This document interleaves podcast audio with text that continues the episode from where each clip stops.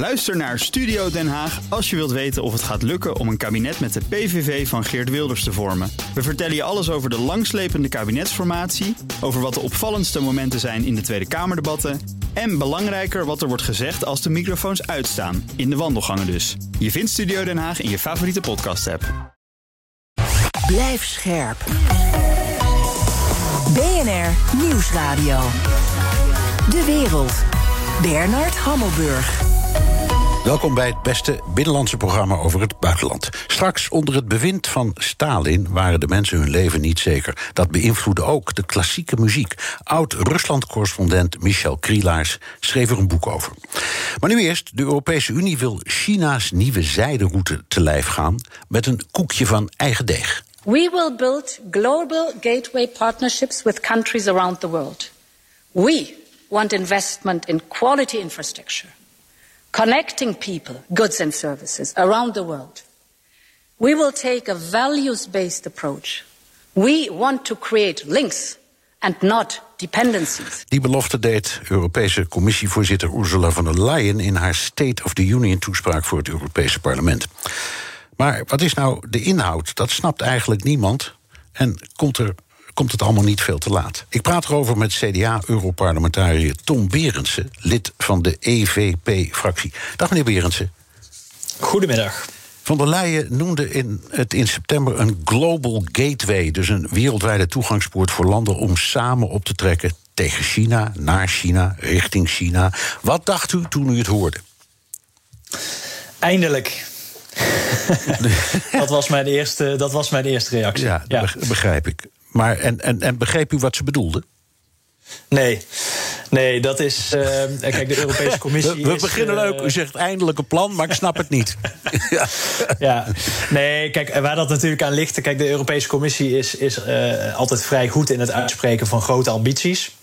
En dan vervolgens uh, ja, behoren daar uiteindelijk wel concrete plannen bij te komen. En tot op heden is het alleen een aankondiging van de grote ambitie geweest, van de Global Gateway. Uh, als antwoord op die, op die Chinese zijderoute.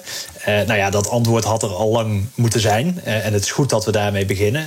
maar hoe die uiteindelijk concreet vorm gaat krijgen, ja, daar zitten wij als parlement nog op te wachten. Ja. En wat ons betreft komt dat, komt dat snel. Even een gewoon technisch parlementair vraagje. U, u, u maakt deel uit van de EVP, dat is een grote partij. U kunt toch met andere partijen in het Europarlement even om de tafel gaan zitten en zeggen: laten we een initiatief nemen? Ja, wij hebben uh, wel vanuit de commissie uh, begrepen, en ook de Raad heeft in haar conclusies uh, van juli 2021 opgenomen dat uiterlijk in het voorjaar 2022 de plannen op tafel moeten liggen. Ja, kijk, dan heeft het niet zoveel zin om nu als parlement te zeggen: jongens, wij gaan om de tafel zitten en we gaan het zelf verzinnen. dus wij wachten op die plannen, maar die moeten snel komen. Ja. En dan is het ook aan het parlement om ervoor te zorgen dat het snel in de praktijk gebracht wordt. Laten we even kijken naar, laten we zeggen, in, in, in deze configuratie de oorzaak van het leed. Uh, China. Uh, wat zijn nu voor u aanwijzingen, voorbeelden uh, waarvan u zegt: kijk, China is echt bezig zijn, zijn invloed buiten de grenzen te plaatsen en zoeken? Ja, er zijn, zijn een aantal uh, voorbeelden van. Uh, sowieso deze uh, nieuwe zijderoute, daar besteedt China ongeveer sinds, het, sinds de plannen begonnen, sinds 2013, ongeveer 50 tot 100 miljard per jaar aan. We weten niet zeker hoeveel dat is, want dat is eigenlijk niet zichtbaar, volledig of volledig inzichtelijk. dat is al een eerste probleem. Um, en wat je ziet is dat zij uh, met die bedragen uh, investeringen doen in heel veel landen ter wereld. Als we kijken buiten Europa, nou, zie je bijvoorbeeld dat een land als Sri Lanka uh, flink geleend heeft van China uh, om infrastructuurprojecten uh, te doen, konden die leningen niet nakomen. En vervolgens heeft China nu 99 jaar recht op het gebruik van een haven. in Djibouti in Afrika is 75, heeft, dat land heeft 75% waarde van hun binnenlands product. hebben ze uitstaan aan leningen in, in China. Dus je ziet in dat soort landen zie je die invloed van China al groeien. Grote investeringen leningen die niet terugbetaald kunnen worden en zo vergroot China invloed. Als je kijkt in de Europese Unie. Um, daar maak ik me met name zorgen over investering. Nou, we hebben de haven van Piraeus in Griekenland gezien, die overgenomen is door China. Wat China betreft wordt Rotterdam in plaats van de poort naar Europa, wordt het het eindpunt van de, van de zijderoute. Van de zijderoute. En ook daarvan hebben ze al, ik geloof, één of twee derde van de terminal in handen. Ja, daar hebben ze flinke investeringen in terminals gedaan. We zien het in, in Hamburg nemen de Chinese investeringen toe. Dus op die, op die uh, belangrijke infrastructuur, havens, wegen, spoorlijnen, daar is China flink aan het investeren. waar ik mij met name zorgen over maak, en ik denk ook dat het Europese antwoord zich met name daarop zou moeten richten, is de digitale component. Hè? Want China heeft niet alleen, laten we zeggen, de fysieke zijderoute, maar zij investeren ook flink in het uitzetten en uitrollen van Chinese communicatietechnologie, beveiligingsapparatuur. En ja, dat is niet alleen in de rest van de wereld. Dat gebeurt ook letterlijk onder onze ogen, ook in Nederland, ehm, eh, in, aan onze grenzen. Daar maak ik me veel meer het, het, het roept een paar vragen op, niettemin. Uh, Piraeus is al jaren Chinees. Uh, Rotterdam dus voor een stukje. U noemt uh, Hamburgs en allerlei andere voorbeelden. De verkopers hebben toch in hun volle verstand getekend bij het kruisje. Het is toch niet zo dat de Chinezen dat hebben gepikt of zo? Nee, dat klopt. En daar zijn wij in Europa veel te naïef in geweest. Uh, er zijn allerlei uh, belangen van. China heeft allerlei belangen genomen in, in, in bedrijven, in, in havens, in nieuwe technologie, in start-ups, uh, noem het maar op. Ja. ja, en we hebben daarbij staan te kijken als, als Europa en dat toegestaan. En je ziet nu echt sinds pas de laatste jaren dat het besef komt, en terecht, uh, ja, dat wij uh, die invloed van China helemaal niet moeten willen. Nee. Op heel veel gebieden. Ja, ik, ik, ik, wil direct wat duidelijker van u horen waarom eigenlijk niet. Want bepaalde dingen zijn ze gewoon goed in. Maar even een heel ander vraagje. Wij, wij slaan onszelf altijd op de borst, net als Nederlanders, dat wij, ik geloof, de derde investeerder zijn in Amerika, in de Verenigde Staten ik kan me voorstellen dat op een bepaald moment eh, de Amerikanen zeggen: wow, wow, wow, al die Nederlandse invloed, dat is levensgevaarlijk en dat is misschien van een vijandig land. Dus wat is het verschil? Nou, wat het, natuurlijk het grote verschil is, is eh, dat China uh, een andere manier eh, van bestuur nastreeft, anders aankijkt tegen mensenrechten. De Europese Commissie noemt dat sinds 2019 dat China een systeemrivaal is. Zij kijken anders naar hoe richt je de samenleving in, hoe ga je om met individuele rechten van mensen, hoe ga je om met arbeidsrechten, milieunormen, et cetera. En uh, kijk, uiteindelijk in Europa willen we onze manier van leven beschermen. En dat gaat niet in een door China gedomineerde wereld. De Europese Unie moet ons veilige thuis zijn. Uh, ja, dan zullen we daar zelf controle over moeten houden. En hoe afhankelijker wij worden van, van China en Chinese technologie, ja. uh, hoe groter die invloed van China wordt, hoe lastiger dat wordt. Zeker waar. Maar we hebben jarenlang met veel plezier en met zakelijk vernuft zaken gedaan met China omdat het een goedkope lonenland was, omdat ze goed, snel en betrouwbaar produceerden, omdat ze hun contracten nakwamen. Uh, Philips heeft op een bepaald moment, ik meen zelfs een hele stad gebouwd met een fabriek die draaide dan om toen nog CD's of, of, of misschien wel cassettebandjes, dat ben ik even vergeten. En daar waren we, daar waren we beren trots op dat we dat deden. En nu zeggen we plotseling: wow, fout. Zegt u nu, ja, dat hadden we ook eigenlijk allemaal niet moeten doen? Nee, dat, dat zeg ik niet. Uh, alleen denk ik wel dat we voor de toekomst uh, ervoor moeten waken. Kijk, het is helemaal niet erg om, om producten over en weer te verkopen. Uh, maar het gaat erom dat we geen bedrijven technologische kennis en invloed verkopen aan China. En dat zie je nu veranderen. Dat China niet alleen, hè, in het verleden was het, laten we zeggen, de fabriek van de wereld. Ehm, maar nu zie je dat ja, de economische kracht, de technologische kracht van China zo groot begint te worden. Um, en daarbij een agenda om hun eigen invloed in de wereld, hun eigen wereldbeeld ook over te brengen landen aan zich te binden. Uh, ja, dan betekent het dat we uh, minder naïef moeten gaan worden. En, en echt een antwoord, een Europees antwoord moeten gaan vinden op die, op die uitbreidende macht van China. Ja. Omdat het een systeemrivaal is. Ja, dat. dat je zou hetzelfde ook weer even, weer een vergelijking. Hetzelfde zou je kunnen zeggen over de Verenigde Staten. Dat heeft jarenlang toch ook enorme aankopen gedaan in Europa en de hele wereld. Bedrijven gekocht, de kennis daar gekocht dat mocht en mag allemaal wel. Ja, maar goed, kijk, het, daar is denk ik ook het belangrijk. Ik, ik ben ook geen voorstander van dat uh, belangrijke Europese kennis in, in Amerikaanse handen komt. Of uh, de high-tech campus in Singaporese handen. kijk, wij moeten als Europa gewoon onze eigen rol op het wereldtoneel spelen. Samen staan we sterk, maar dan moeten we wel strategisch nadenken. En kijk, uiteindelijk als ik moet kiezen tussen investeerders, dan kijk ik toch liever naar onze, onze bondgenoten, om het zo maar even te zeggen, dan naar China. Ja. Maar uiteindelijk moeten we vooral als Europa zelf onze rol versterken. Ja, nee, maar ik begrijp het ook wel. En we snappen helemaal wat u zegt. Maar er zit, er zit in dit soort dingen ook altijd een zekere mate van hypocrisie. Dat, je, je, hebt jarenlang zaken gedaan om bepaalde redenen. En dan denk je plotseling, hé, hey, ze worden daar wakker, ze worden intelligenter, ze kunnen meer dan we dachten. Nu zijn er toch, dan krijg je een soort vijandbeeld. Dat was er vroeger niet. Ja. Nee, eh, klopt. Eh, dat, dat heeft uh, met ons te maken, maar dat heeft natuurlijk ook met China te maken. Als je de ontwikkelingen in China ziet, ook vandaag waar Xi Jinping zijn, zijn macht sterk ja, vergroot. Ja, hij China, is, natuurlijk, nog, China is natuurlijk echt aan het veranderen. Hij blijft daar nog zeker drie eeuwen president, als ik het goed begrijp. ja ja, nee, zeker. Nee, maar dat heeft China veranderd. Uh, en het is helemaal niet erg dat, dat China rijker is geworden en, en dat uh, de middenklasse daar versterkt is. Maar waar het uiteindelijk om gaat, is wat doet China met die macht? En, en daar zie je dat, uh, ja, dat het niet in ons belang is. dat begrijp ik. Nog, nog even een ding. De, de, de oorspronkelijke zijderoute, dat was volgens mij tijdens de Han-dynastie. Dat, dat is 2300 jaar geleden, dat is alweer een tijdje terug. Uh, en toen had je ook tweerichtingverkeer. China exporteerde goederen naar het westen. Hè. Dat, dat ging dan om zijde, maar ook om andere dingen. Maar over diezelfde route kwamen westerlingen met hun kennis naar China. Uh, en langs de nieuwe zijderoute kun je zeggen, dat gebeurt eigenlijk hetzelfde. En toen vonden we dat een prachtige oplossing. En nu roepen we plotseling, ja, het is eigenlijk diefstal van intellectueel eigendom. Opnieuw de vraag, wat is het verschil en wat is er verkeerd?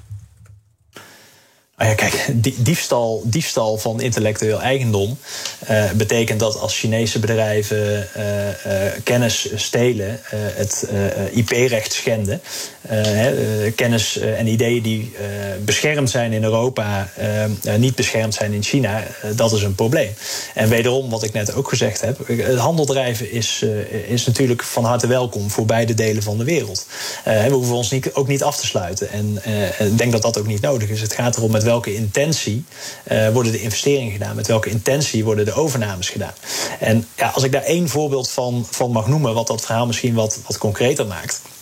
Uh, dat is het Chinese bedrijf uh. Die verkopen uh, beveiligingsapparatuur, scanners ehm, voor goederen en voor mensen die je aan de grenzen kunt gebruiken. Hè. Dus in de haven van Rotterdam voor containers, op Schiphol voor, voor mensen. Ehm, Kijk, die apparatuur is op dit moment. Eh, ja, dat, zijn, dat zijn Chinese apparaten die wij daarvoor gebruiken. Die worden volop gebruikt in de Europese Unie. Dat bedrijf uh, heeft een, uh, een onderzoekscentrum in Rotterdam. En zij geven daarbij aan het is een staatsgefinancierd bedrijf. Zij geven daarbij aan, wij zijn nu technologie aan het ontwikkelen op het gebied van artificial intelligence, op het gebied, van gezichtsherkenning. Dat betekent dat die technologie en die apparatuur al, al veel gevoeliger wordt. ook qua veiligheidsaspecten, qua privacy aspect. Wij, eh, onze, onze universiteiten eh, ontwikkelen nu dus samen met NUCTEC, met een Chinees bedrijf, eh, die technologie, die kennis. Wat heb je nodig om algoritmen te laten leren? Is data. Wie verzamelt nu die data? Een Chinees bedrijf. Kortom, wij zijn ons afhankelijk aan het maken van een Chinees bedrijf voor de beveiliging van onze grenzen. De kennis over wat er onze grenzen overkomt en wie er onze grenzen overkomt, komt in Chinese handen. Ja, maar wij zijn, ook wel, wij zijn zelf ook wel erg lui. We hebben geen Jack Ma, we hebben geen Elon Musk, we hebben geen eh, eh, Bezos. Dat zijn allemaal mensen die dat soort dingen eh, doen en kunnen. En wij doen dat gewoon niet. Nee, en daar denk ik dat een belangrijke rol ook is voor de Europese Unie. Samen met uh, heel veel andere investeerders. Om te zorgen, jongens, wat zijn nou de technologieën van de toekomst? Wat zijn uh, elementaire uh, ontwikkelingen waar wij als Europa niet afhankelijk willen zijn van andere delen van de wereld? En laten we daar gezamenlijk in investeren. En dat doen we nog te weinig. Ik zie daar wel een ontwikkeling, maar dat mag wat mij betreft veel meer. En dat betekent in artificial intelligence, in quantum computing. We zien nu het initiatief om computerchips, hè, waar een groot tekort aan is, om die afhankelijkheid te verminderen Europese productie eh, te gaan vergroten op het gebied van batterijen. Ja, dat is slim industriebeleid. En ja, daar kan Europa absoluut een rol spelen. Dit is BNR De Wereld. Mijn gast is Tom Berensen, Europarlementariër namens het CDA, lid van de EVP-fractie. De Duitse stad Duisburg is een van de sleutelsteden voor China's nieuwe zijderoute. Welcome to Duisburg. Duisburg is the world's largest inland port, and China has called the German city a key location on its new Silk Road. In the past five years, the amount of Chinese goods coming through this port has exploded. Nearly a thousand cargo containers from China arrive every week from just a handful a few years ago. Meneer Berends, als u dit zo hoort, dan denk je: kijk, als ik over naïef praat, dan is dit wat ik bedoel. Denkt u dat als u dit dingetje hoort? Ja, nou in ieder geval nog één aspect daarnaast in Duisburg. Zij eh, hebben een akkoord gesloten met Huawei om een slimme stad en een slimme haven te gaan maken. Dus al die sensoren en apparatuur, dat wordt Chinese apparatuur. Ja, ik, ik vind dat ontzettend naïef. Ja, ja maar is dit ook niet een beetje een frame? Want het is wel zo dat uh, Huawei bijvoorbeeld... Uh, iedereen roept dat dat levensgevaarlijk is... maar ze zijn ongelooflijk goed in de ontwikkeling van dit soort systemen. Ze waren de snelste en de beste met 5G. Dus daar heb je het weer. Uh, we kopen die dingen omdat het nergens waarschijnlijk zo goed en zo voordelig te kopen is. Ja, dat klopt. Uh, we hebben daar zitten slapen. En daarom denk ik dat het ook heel belangrijk is om als Europa uh, samen met de VS ook in te zetten op nou ja, de volgende generatie die eraan komt, 6G. Hè, dat is er voorlopig nog niet. Maar zeg in ja, ja, die ontwikkeling begint nu. Ja, laten we zorgen dat we daar niet weer dezelfde situatie krijgen. Dat we zo afhankelijk zijn van apparatuur vanuit, uh, vanuit China. Ja. Een ander aspect zit daar ook in. kijk, uiteindelijk zijn er ook wel Europese producenten van, van, van die hardware die je daarvoor nodig hebt, ook van 5G.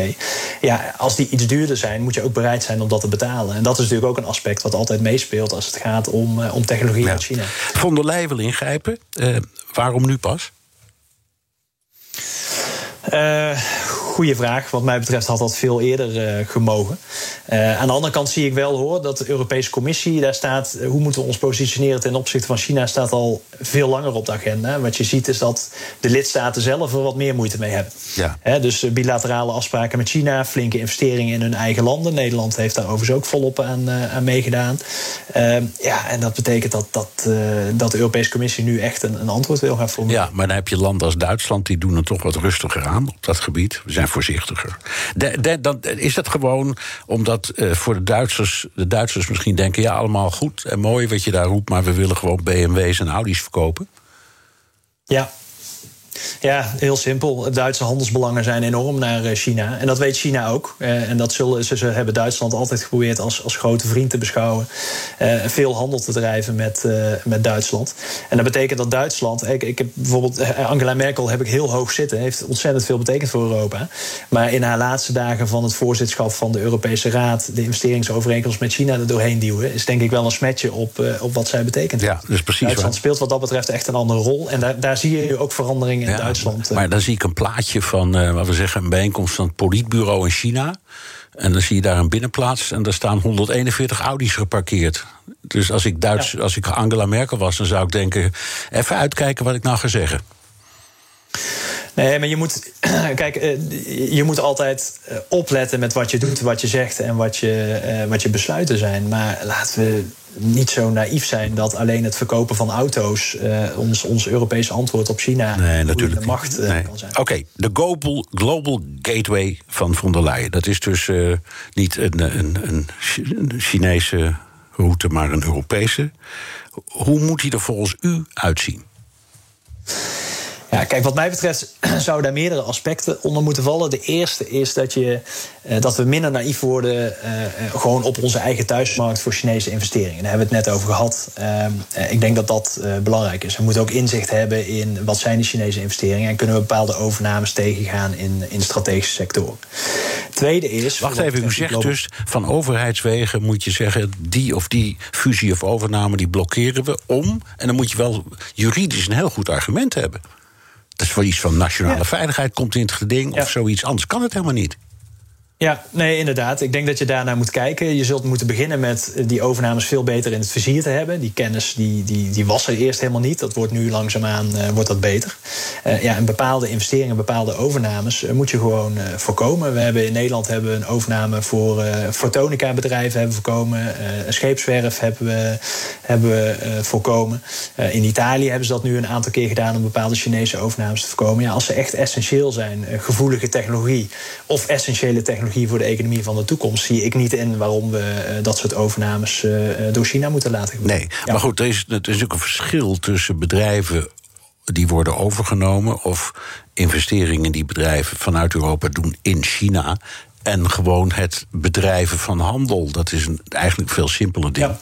Het verkopen nee, precies. Maar daar zit natuurlijk ook verschil in. Hè? Ik bedoel, ik zeg niet dat je alles moet tegenhouden, maar ik denk dat we wel kritischer moeten zijn op en strategischer moeten nadenken. Uh, ja, welke technologie en kennis we, we, in eigen handen willen ja, Ja, en dan is er nog iets, dat hoor je ook vaak. We kunnen het allemaal wel roepen, maar de banden tussen bijvoorbeeld de Europese landen en China, maar ook de Verenigde Staten en China in handelsopzicht zijn zo nauw. Uh, over en weer kun je zeggen. Boeing zou waarschijnlijk omvallen zonder China. En, en misschien zou Apple ook omvallen zonder China. Um, dus die banden zijn zo nauw. Je kunt het allemaal wel willen, maar je kunt het niet. Je kunt, het, is, het is toch voor een heel groot deel, ik zal maar zeggen, theorie. Je kunt, je kunt zoveel willen, maar je kan het niet toepassen. Nee, maar je moet wel. Nou, daar ben ik het niet mee eens. Je moet, je moet heel strategisch nadenken uh, wat, je, wat je dan kunt doen.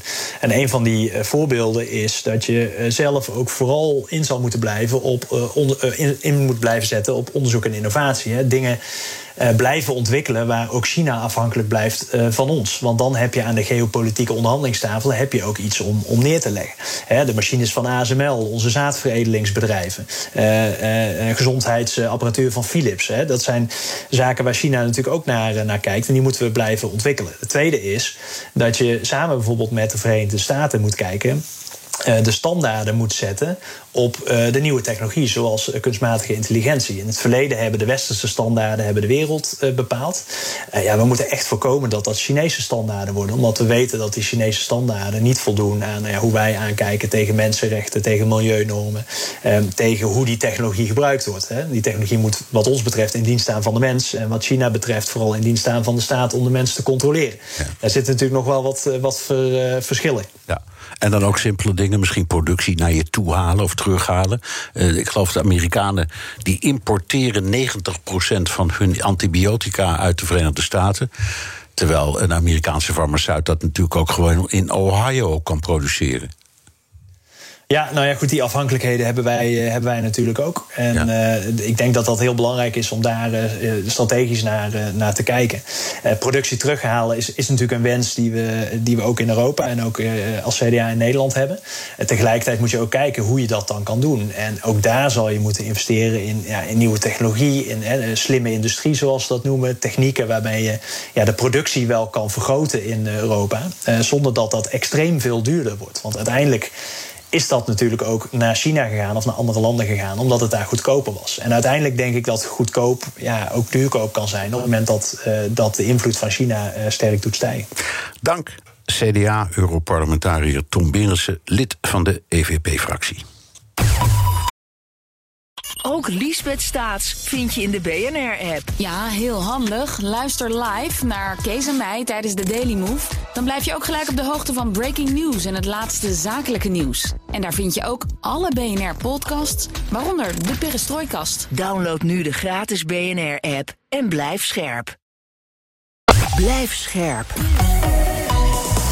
BNR Nieuwsradio. De wereld. Bernard Hammelburg. We beginnen met een update over de Europese politiek met Geert-Jan Haan, maker van de Europa-podcast en eh, van BNR's Perestrooikast. En dat is in dit geval nuttig om te melden, want we gaan het hebben over Belarus. Ook in de studio's Michel Krielaars, chef boeken bij NRC en voormalig Rusland-correspondent. Geert-Jan, yes. wat weten we van de situatie aan de grens met de EU op dit moment? Er zijn een boel dingen gaande en er zijn een boel dingen die we gewoon niet weten. Omdat de noodtoestand is afgeroepen in Polen en ook Litouwen, uh, kunnen journalisten, maar ook NGO's um, en andere onafhankelijke waarnemers kunnen niet dichter bij de grens komen dan op zo'n drie kilometer. Daar staan uh, soldaten aan de Poolse kant, uh, volgens de laatste berichten zo'n 15.000. En de laatste bericht, als je het hebt over hoeveel migranten in ja, Belarus zijn of in dat niemandsland, dan heb je het over zo'n 2 à 3000. Dus dat is één militair, uh, nee, vijf militairen per, uh, per migrant. Ja, en verder uh, allerlei geopolitieke zaken. Ik begrijp dat uh, Alexander Lukashenko, of moet ik Lukashenka zeggen? Dat wil ik. Uh, twee, twee deskundigen hier in de studio. Ja, volgens mij is het ook afhankelijk van. zeggen Lukashenka. Ja, Lukashenka, ja. oké. Okay. Nieuw dreigement richting EU. Wat heeft hij gezegd? De gaskraan uh, kan hij dichtdraaien. Of hij kan regelen dat de gaskraan dichtgaat. Uh, want hij vindt dat de EU niet zo uh, bemoeizuchtig zich moet, moet opstellen met dit conflict. Um, en hij wil ons dus eigenlijk, ik beschouw mezelf even als Europeaan, hij wil ons eigenlijk in de kou zetten. En hij wil het als drukmiddel gebruiken, ongetwijfeld met enige ruggensteun. Oké, maar hij zelf zit niet aan de. Dat is dan Poetin. Ja, ja, de, de, de, Poer, uh, ik weet niet of uh, meneer Krielaars uh, iets meer de hele gaspijpleidingen route heeft afgelegd. je zou op zich natuurlijk ook in Wit-Rusland aan knoppen kunnen draaien. Maar dat zal niet zonder toestemming van. Ik denk dat Moskou altijd het ja moet zeggen, want die ja. krijgen het meeste geld. Ja, Precies. Zo is het. Ah. Oké. Okay. de relatie tussen de EU en de huidige Poolse regering is al tijden moeizaam. Merk je dat in dit conflict ook? Ja, absoluut. En Laat ik beginnen met een, een situatieschets nu uh, in Polen. Niet aan de grens, maar bijvoorbeeld in de hoofdstad uh, Warschau. Het is vandaag onafhankelijkheidsdag in Polen. Uh, ze zijn altijd heel trots op het feit dat ze sinds 1918... Um, en daarna eigenlijk sinds, nou, sinds ze uit het Warschau-pact weg konden... onafhankelijk zijn. Maar tussen 1790 en 1918 hebben ze eigenlijk niet bestaan. Er zijn er allerlei Poolse delingen geweest, is land van de kaart geveegd. Er is een enorm patriotistisch gevoel uit ontstaan. Een enorm besef. Uh, maar dat uh, heeft regelmatig uh, wat radicalere trekken gekregen. Zo ook vandaag. de onafhankelijkheidsdag wordt altijd gevierd met een onafhankelijkheidsmars. Ik weet niet de precieze cijfers. Normaal ehm, heb je marsen waar soms 200.000 man bij op de been is. Of dat wordt dan gerapporteerd. Maar in ieder geval, daar zie je dus president Duda, premier Morawiecki. Je ziet daar. Um, oer-conservatieve verdedigers van de kerk zie je hun praatjes houden. En die gebruiken nu, uh, die, die hebben het met, met retoriek over wat er aan de grens gebeurt. En ze zeggen, uh, dit mag niet gebeuren. Maar ze zeggen ook, we zijn in oorlog met Duitsland. We zijn in oorlog met de EU. Er is een vlag van Duitsland verbrand. Er is een vlag van Donald Tusk, de oppositieleider, verbrand. En boegbeeld namens Polen van de EU. Kortom... Um, het loopt een beetje. Uh, het loopt op allerlei manieren weer met nieuwe spanningen op. En daar komt natuurlijk bij, wat jij al weet, corona-herstelfondsdiscussie, rechtsstaatdiscussie. We kunnen eindeloos doorgaan in, in al die conflicten. En er komt daar nu nog een laag bovenop, want het wordt nu ook een geopolitiek conflict. Uh, ja. Rusland bemoeit zich ermee, heeft uh, uh, bommenwerpers. nucleaire, nucleaire ja. bommenwerpers daar langs laten scheren. De NAVO staat op zijn achterste poten. Hoe stelt de EU zich daar nou in op? De, wisselvallig en ze kunnen ook niet zoveel. Ze doen hun best. Ja, dat zijn, je, je hoort dat ik moeite heb met ja, het goed nee, omschrijven. Ik begrijp, ik begrijp het precies, omdat het is de spagaat waar je voortdurend tegenaan loopt als je kijkt wat voor positie Europa inneemt in bijvoorbeeld het grote defensieverhaal. Dan is het toch de schaduw waar, waar de Amerikaanse schaduw waaronder we blijven vallen. Nou, en heel praktisch, als je het hebt over eh, wat er aan de grens gebeurt. Uh, we herdenken deze week eh, dat de muur, ik geloof 32 jaar, niet meer bestaat. Maar we zien alleen maar beelden van prikkeldraad aan de grens van de Europese Unie met Wit-Rusland. Griekenland heeft trouwens alweer een muur neergezet, maar dat terzijde. En, pardon, wat, wat opvalt, is gewoon dat de EU wil, wil wel helpen en biedt wel hulp aan aan de Polen. Frontex doet dat ook. Grensagentschap dat notabene in Warschau een hoofdkantoor heeft. Alleen, um, de Polen willen dat niet. Omdat ze weten, de EU wil die muur in principe niet. En uh, de EU wil um, de mensenrechten waarborgen. En wil dus eigenlijk dat die migranten op een menselijke manier behandeld worden met asielaanvragen. Nou, daar past Polen voor. Vandaar de noodtoestand dat niemand erbij kan. Dan krijg je dat hele pandemonium. 15.000 militairen. Ja, en het is allemaal machtsvertoon. En uh, de EU kan dus niet zoveel. En het is uh, wisselvallig, omdat Charles Michel, voorzitter van de Raad, had het ineens over dat het wel mogelijk is om muren en prikkeldaad te financieren. En Ursula von der Leyen namens de commissie maakt er een principe kwestie van en zegt: niet weer. Dank, Europa-verslaggever Geert-Jan Haan. Wilt u meer horen over de Europese politiek? Luister dan naar BNR's Europa-podcast... die Geert-Jan maakt samen met Europa-correspondent Stefan de Vries. Michel Krielaars, chef boeken bij eh, de NRC... en voormalig Rusland-correspondent. We hadden jou uitgenodigd voor je boek. Gaan we zo over praten, uiteraard. Uh, eerst nog even over die Belarus-kwestie... Uh, we zien allemaal die huiveringwekkende tafereelen van vluchtelingen... die worden ingezet als geopolitiek drukmiddel. Wat, wat, wat kun je daartegen doen? Absoluut niet. Nee? Je ziet, gisteren heeft kanselier Merkel gebeld met uh, Poetin... en gezegd uh, een beroep gedaan op zijn medemenselijkheid. Nou, gevoel voor medemenselijkheid zie je in het Kremlin zelden... want het gaat vooral om machtspolitiek. Ja. En het, lijkt mij wel heel duidelijk dat uh, het Kremlin hier een stevige vinger in de pap heeft in deze kwestie. En, en welke rol speelt Poetin? Is, is, is dit voor Poetin de zoveelste kans om te laten zien dat hij eigenlijk uh, Wit-Rusland, Belarus weer terug wil pikken. of op zijn minst een federatie wil stichten. Een stukje terug naar de Sovjet-tijd. Sovjet hij is eigenlijk al de baas in het land. Hè. Toen de protesten ruim een jaar geleden een hoogtepunt bereikten, werd er een, vlieg, een vliegtuig vol hoge FSB-officieren naar Minsk gestuurd vanuit Moskou. om de, boel, om de regie over te nemen. Ja. En sindsdien zie je eigenlijk dat alles uh, wat er gebeurt. ja, daar zie je toch wel heel duidelijk de hand van de Moskouse FSB in terug. Ja, naast de vraag die je kunt stellen aan een kenner, maar hoe denk je dat het afloopt?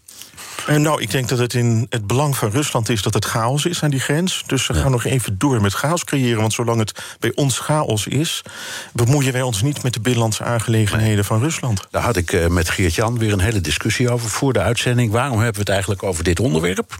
Dat is heel interessant. Hierdoor, door het mechanisme dat jij beschrijft. Dat is waarschijnlijk het antwoord. Want er zijn allerlei andere belangrijke dingen die we kunnen bespreken, ook over Europa. Maar we kwamen toch op Belarus terecht. En hoe vat je het nou in een paar minuten samen? Nou, ik denk wat Michel zegt heel belangrijk is. De, de, de chaos is in het Russische belang. En dus zal deze situatie nog wel even voortduren. Ja, en, wij, beleving, en wij kunnen niet veel. Nee, in mijn beleving heeft het Kremlin al gewoon de macht over Minsk. Ja. Het is geen onafhankelijk land meer. Klaar. Ja. Nou, gaan we over naar uh, de Bolsjewieken. Die in 1922 de burgeroorlog wonnen en de Sovjet-Unie stichten. Uh, en toen moesten ook de, de, de klassieke componisten in het land met hun tijd mee. Zeker in de tijd uh, toen Stalin uh, eigenlijk uh, niemand anders meer om zich heen tolereerde en toen het steeds lastiger werd. The Great Terror was not confined to party elites either. Stalin intended to kill anybody who might pose a potential threat. Whether they had actually committed a crime was no protection. Intellectuals, scientists and artists were all targeted. Het leven van componisten werd meestal gespaard, maar ze werden wel op andere manieren dwars gezeten. Uh, Michel, je hebt er een boek over geschreven. Het heet De Klank van de Heilstaat. Um, Stalin kwam na Trotsky in, in, in, uh, in de jaren twintig aan de macht. In wat voor staat verkeerde de staat toen? Het was een land in opbouw. Het was een communistische dictatuur in opbouw. En daar, ja, daar moest natuurlijk de, de, de elite van het verleden aan uh, uh, geloven. En de elite dacht altijd dat ze min of meer hun gang konden blijven gaan. Althans, de elite, de adel was gevlucht of uitgeroeid. Maar de intelligentia was er nog gewoon aan het werk. En schrijvers schreven door. Totdat er op een gegeven moment kunstregels werden ingevoerd. En dat noemen we dan altijd het socialisme, realisme, het socialistisch realisme. Dat betekende dat ineens romans moesten gaan over stoere arbeiders en boeren. Ja. En dat moest ook in die muziek doorklinken. Ja, en dan, dan zag je, dat zie je vaak nog in de musea, die, die, die schilderijen van gelukkig naar de einder starende soldaten en of boeren, bij voorkeur allebei. Dat is zo'n typisch voorbeeld van die, die kunst. Ja. En wat was de, de, de artistieke filosofie daar nu van? De artistieke filosofie was dat je het volk iets moest voorhouden. Het is dat beroemd gezegd, je gaat door middel van het communisme... eindig je bij de heilstaat van het socialisme. En, dat, en die zie je in de, in de, op de horizon. Dus, En dus daar sta je bij nog heel ver weg. Heel ver weg, bij voorkeur met je hand zo over je ogen. Ja, die kant uit. Oké, en, dan, en dan de schrijvers, hoe ging het daarmee? Nou, die schrijvers werden in de mal geduwd. En ik heb bij mijn vorige boek, dat ging over de Joodse schrijvers Isaac Babel en Vasily Grossman. Ja. Er zijn 1500 schrijvers onder Stalin geëxecuteerd. Ja. Omdat ze niet deden wat de keurcommissie van de censuur vond dat ze hadden moeten doen. Oké, het boek gaat over componisten, dus laten we daarover praten. Ehm, componisten werden in het algemeen gespaard, begrijp ik. Waarom was dat? Nou, ik, ik denk, en dat is ook altijd heel theoretisch, dat die componist. dat je van- bij een schrijver kon je duidelijk aanmerken wat hij verkeerd deed. Als de bourgeoisie in voorkwam of een, een aristocraat, dan was het al fout. Maar bij muziek, bij klank, kun je natuurlijk heel moeilijk aanwijzen van dit deugt niet volgens de nieuwe stijlregels. En je ziet dus bij de muzici en componisten die ik aanmerk dat het eigenlijk gewoon willekeur was. En dat zie je heel vaak Ja. in een dictatuur. Er zijn altijd onder aannemers en die bepalen. Maar je hebt toch in de klassieke muziek ook wel verhalende muziek. We komen direct nog even bij Prokofjev, maar die heeft Peter en de Wolf geschreven. Nou, als er nou ooit een verhaal is geweest in de klassieke muziek. Over een, een orkest, ja. alle dieren ja. vertolken een instrument. Ja. Dat kon heel goed. Dat kon wel. Maar je wilde natuurlijk op een gegeven moment. Er was een ontwikkeling in die klassieke muziek. En die muziek wordt atonaal. En dat mocht niet. Want het regime wilde dat het neuriebaar was. Dat iedere simpele zin moest mee kunnen zingen. Dat was het. Soms viel er geen touw meer vast te knopen. Wat nou wel en wat niet mocht. Bijvoorbeeld dit stuk van Alexander Mozolev.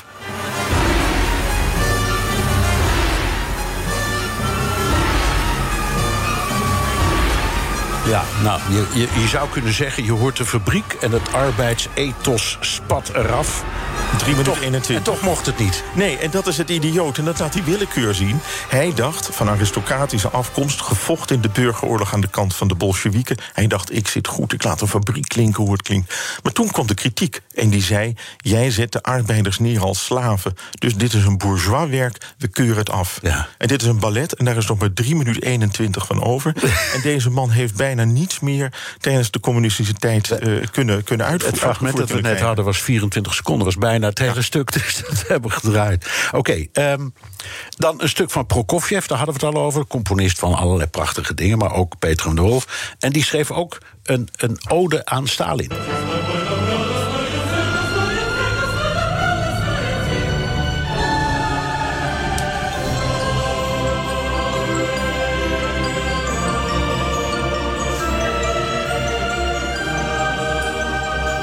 En, en dit mocht dan weer wel. Dit mocht wel, maar dit was een heilkantate op de grote leider. Dus waarin, wordt, waarin hij wordt toegezongen als de grote, onmisbare leider van de nieuwe socialistische ja, en staat. Zegt de tekst dat ook in het Dat koor? zegt de tekst, en niet wat we nu horen, dat kan ik niet verstaan. Dat is zo, zo rommelig, maar dat, dat is wat de rest van het werk zegt. Ja, ja. Um, werden componisten daar nou helemaal niet, niet stapelgek van? Want je wist nooit duidelijk wat nou wel mocht, wat niet mocht, wat moest, wat niet moest. Je ziet dat een Prokofjev, die eigenlijk na de revolutie naar Amerika was gevlucht of geëmigreerd. En die halen ze terug, want het waren natuurlijk de culturele ambassadeurs voor het land. En die lieten ze eerst, gaven ze hem een beetje de vrije hand. Maar op een gegeven moment zeiden ze toch: dit mag niet. Nee. En dan dacht hij, dan moet ik het niet zo doen. Zdravitsa mocht wel, wat we net hoorden. Dacht hij, dan ga ik daarop verder. Dan maakte hij een vergelijkbaar stuk, werd weer verboden. Dan werd hij ongelukkig, dan gaven ze een Stalinprijs. Dat was een paar honderdduizend euro in die tijd. Dan dacht hij, dan ga ik verder met wat ik doe. Werd het weer verboden. Dus zo'n man als Prokofjev werd stapelgek van die regels. Ja. Nou, hebben we het hier specifiek over de Stalin-tijd. Daarna kwam Khrushchev, uh, de destalinisatie. Veranderde toen iets voor de componist?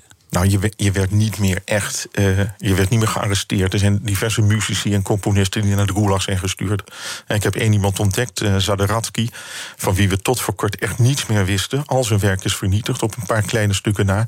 En uh, die mocht zelfs onder Khrushchev werd zijn muziek niet uitgevoerd. Of het werd wel uitgevoerd, maar er werd zijn naam er niet bij genoemd. Dat was het anoniem. Ja. Het was getalenteerd iemand, maar omdat hij ooit pianoles had gegeven aan de zoon van de tsaar, was hij verboden. Ja, ja, ja. Alleen daarom. Um, hoe lang heeft dit muziekbeleid in de Sovjet-Unie nou stand gehouden? Tot onder Gorbachev. Onder Gorbachev zie je een liberalisering van de samenleving. En toen mocht ineens werd natuurlijk ook geschreven over de misdaden die Stalin had begaan. En als er dan mensen waren die nog wisten dat die vervolgde componisten al mooi werk hadden geschreven, werd het opnieuw uitgevoerd. Kreeg het de naam. Werden ze, ze werden bekender in het Westen daardoor. En in het Westen werd het opgepikt en ging men verder. Ja. Um, Rachmaninov, die uh, ging er van tussen. Ja, en is nooit meer teruggekeerd. Ja, die had ging afgekeerd van de Bolsjewieken. ging naar, naar Californië en uh, daar heeft hij volgens mij ook nog het derde pianoconcert gecomponeerd. Dus die heeft, dat is een mooi concert. Dus die heeft het daar naar zijn zin gehad, klaarblijkelijk. Uh, Stravinsky ging naar Frankrijk en later volgens mij naar New York. Ja, ook, en ook nooit meer teruggekeerd. Ook nooit meer teruggekomen. Waren er meer van dat soort genieën die gewoon de benen namen? Nou, heel veel, in het begin geloofden heel veel men, componisten dat het wel goed zou komen. En ik noem ook een aantal muzici. En die dachten helemaal: wij zijn in dit land, wij, hebben die, wij willen die Russische lucht inademen, naar dat Russische landschap kijken. Dat hadden die componisten ook. Zo'n Prokofjev wilde toch in een Russische omgeving leven. Ja. En dan bleven ze en hoopten ze altijd maar dat het regime wat, dat die repressie wat minder zou worden. Ja. Hoe keken Stalin en Khrushchev of hoe keek, de Sovjet-Unie tot, tot Gorbachev dus, zo moet ik het eigenlijk zeggen, naar andere grote uh, genieën uit de muziekgeschiedenis. Uh, Tchaikovsky of, of, of Mussorgsky of mensen van een iets oudere generatie? Nou, ze hebben Stalin, zeker in die Stalin-tijd, is aanvankelijk geprobeerd om die componisten, dat waren natuurlijk vaak aristocraten of mensen uit de hoge lagen van de bourgeoisie, uh, weg te duwen uit de geschiedenis, te verbieden. Maar ze merkte al gauw dat de, de, gewone volk wilde die muziek horen. Dus toen voerden ze het weer in. Ja, je kan toch moeilijk de componist van het Zwanenmeer verbieden? Hebben ze dat wel geprobeerd? Nee, nee, dat is hoogstens in het begin gebeurd, kort na de revolutie. En dan dachten ze van ja, iedereen wil het toch horen. Wat moeten we ze anders bieden? En dan maakten ze er een uh, communistisch aspect, voerden ze dan in zijn biografie. Dat het iemand was die goed voor zijn lijfeigenen was, die van arbeiders hield. Nou, dan was hij toch eigenlijk een communist. Ja, ja. maar goed, die, die mooie eh, het dansen waren natuurlijk ook, ook in de Sovjet-tijd al een reclame voor de Sovjet-Unie in, het, in het Westen. Want iedereen wilde het Bol Bolshoi gezien hebben. En, de grote en daar hoorde Tchaikovsky bij, de kon niet anders. En het pianoconcert van Tchaikovsky, dat door Sviatoslav Richter, is uitgevoerd altijd. Ja. ja. Um, er is ook in uh, zo rond 1990 een rockconcert uitgevoerd. Uh, met allerlei Amerikaanse uh, rocksterren in Moskou. Dat mocht dan wel? Dat mocht wel, ja, in de jaren negentig en niet daarvoor. Nee.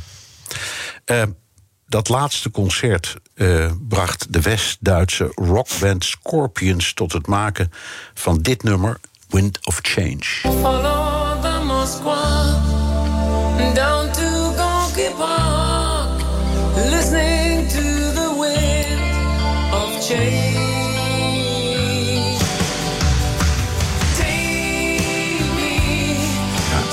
Een jaar geleden was er een podcast over dit nummer... omdat er claims waren dat het CIA het zou hebben geschreven. Eh, dat bleek Larikoek te zijn. Je kunt ook misschien zeggen, je kunt het omdraaien... want de Wind of Change kan net zo goed zijn gegaan... over de komst van het communisme... of over de nieuwe tijd in de, in de Sovjet-Unie. Um, symboliseert het eigenlijk een beetje het einde van de cultuuronderdrukking in die tijd? Ik denk het wel. Ik denk als je, als je, denkt, als je nu aan jonge Russen zou vragen... wat wil je, dan is het toch verandering, de Winds of Change. Dit is natuurlijk, het is niet gefinancierd door de CIA... maar de CIA heeft hier natuurlijk heerlijke propaganda van kunnen maken... Ja. Van de mensen willen verandering. Ja, en toch is dat, ik had het er al eerder even over. iemand, iedereen die ook maar iets van kunst weet, het maakt niet uit. Moderne kunst, oude kunst, uh, klassieke muziek, moderne muziek. Het is altijd een exportmiddel geweest door de geschiedenis heen. Uh, de Franse muziek, de Amerikaanse muziek, de Russische muziek, uh, Italiaanse muziek, Oostenrijkse, Duitse. Iedereen wilde protsen daarmee. In hoeverre is dat mechanisme blijven bestaan door die hele Sovjet tijd heen. Behalve dan uh, Bolshoi en Tchaikovsky. Nee, het was natuurlijk al die grote muzici. En ik heb er meerdere hier in Amsterdam gehoord. David Oistrakh, Kirill Kondrashin, die overgelopen ja, is. Ja, die was een violist die nog met zijn zoon is gaan spelen. Ja, ja. Reclame, reclame voor het regime. zie je maar wat een goede muzici wij voortbrengen in ons systeem. Ja. Um, even naar de recentere tijd. Uh, we hebben Pussy Riot gezien. Um, en daar kun je van vinden wat je wil, maar het was een, een vorm van artistieke vrijheid in, in, in Rusland. Het, het was provocatie. Uh, in hoeverre kan dat in het Rusland van nu? Nou, ik denk dat op dit moment uh, het provoceren van de machthebbers echt niet meer mogelijk is. Je ziet zelfs al dat er hoogleraren worden ontslagen die uh, het Kremlin ongewenste politieke uitspraken doen. Ik heb vorige week een schrijver, Maxim Molzipov, geïnterviewd in Den Haag. Die zei me ook: Ik ben iedere dag bang. Als ik iets kritisch zou schrijven over de politiek, dan kan ik het wel vergeten. Die man heeft een ziekenhuis waar die eigenaar van is. Zegt, dan pakken ze je alles af en dan moet je de benen nemen. Ja, het klinkt ten slotte alsof, nu je dit zo vertelt, dat interview wat je hebt gedaan, dat we terug zijn in de Sovjet-Unie, terug bij af. Ja, maar het is toch anders, want je kunt ook heel veel doen. Zolang je je maar niet met die politiek bemoeit. Zeker niet als kunstenaar. Nee. En misschien is er nog een criterium voor mij altijd, misschien het belangrijkste bewijs van vrijheid, is je erin en eruit kan, zo'n land. En eh, vanwege corona is het nu nou, heel moeilijk om erin te maar, komen. Maar normaal is een soort criterium voor vrijheid dat je eruit kunt. De Russen kunnen er nog altijd uit. Als we met vakantie naar Italië willen, gaat het gewoon. Ja. Maakt er uit. Dankjewel, Michel Krielaar, chef boeken van NRC, voormalig Rusland-correspondent en schrijver van het boek De Klank van de Heilstaat. Het boek heeft onder diezelfde naam ook een playlist op Spotify waar je alle componisten terug kunt vinden. En tot zover BNR de Wereld. Terugluisteren kan via de site, de app, Spotify en Apple Podcast. Reageren kan via mailtje naar dewereld.bnr.nl. Tot volgende week. Ook Harm Edens vind je in de BNR-app. Je kunt BNR Duurzaam niet alleen live luisteren in de app, maar ook terugluisteren als podcast, zoals al onze podcasts.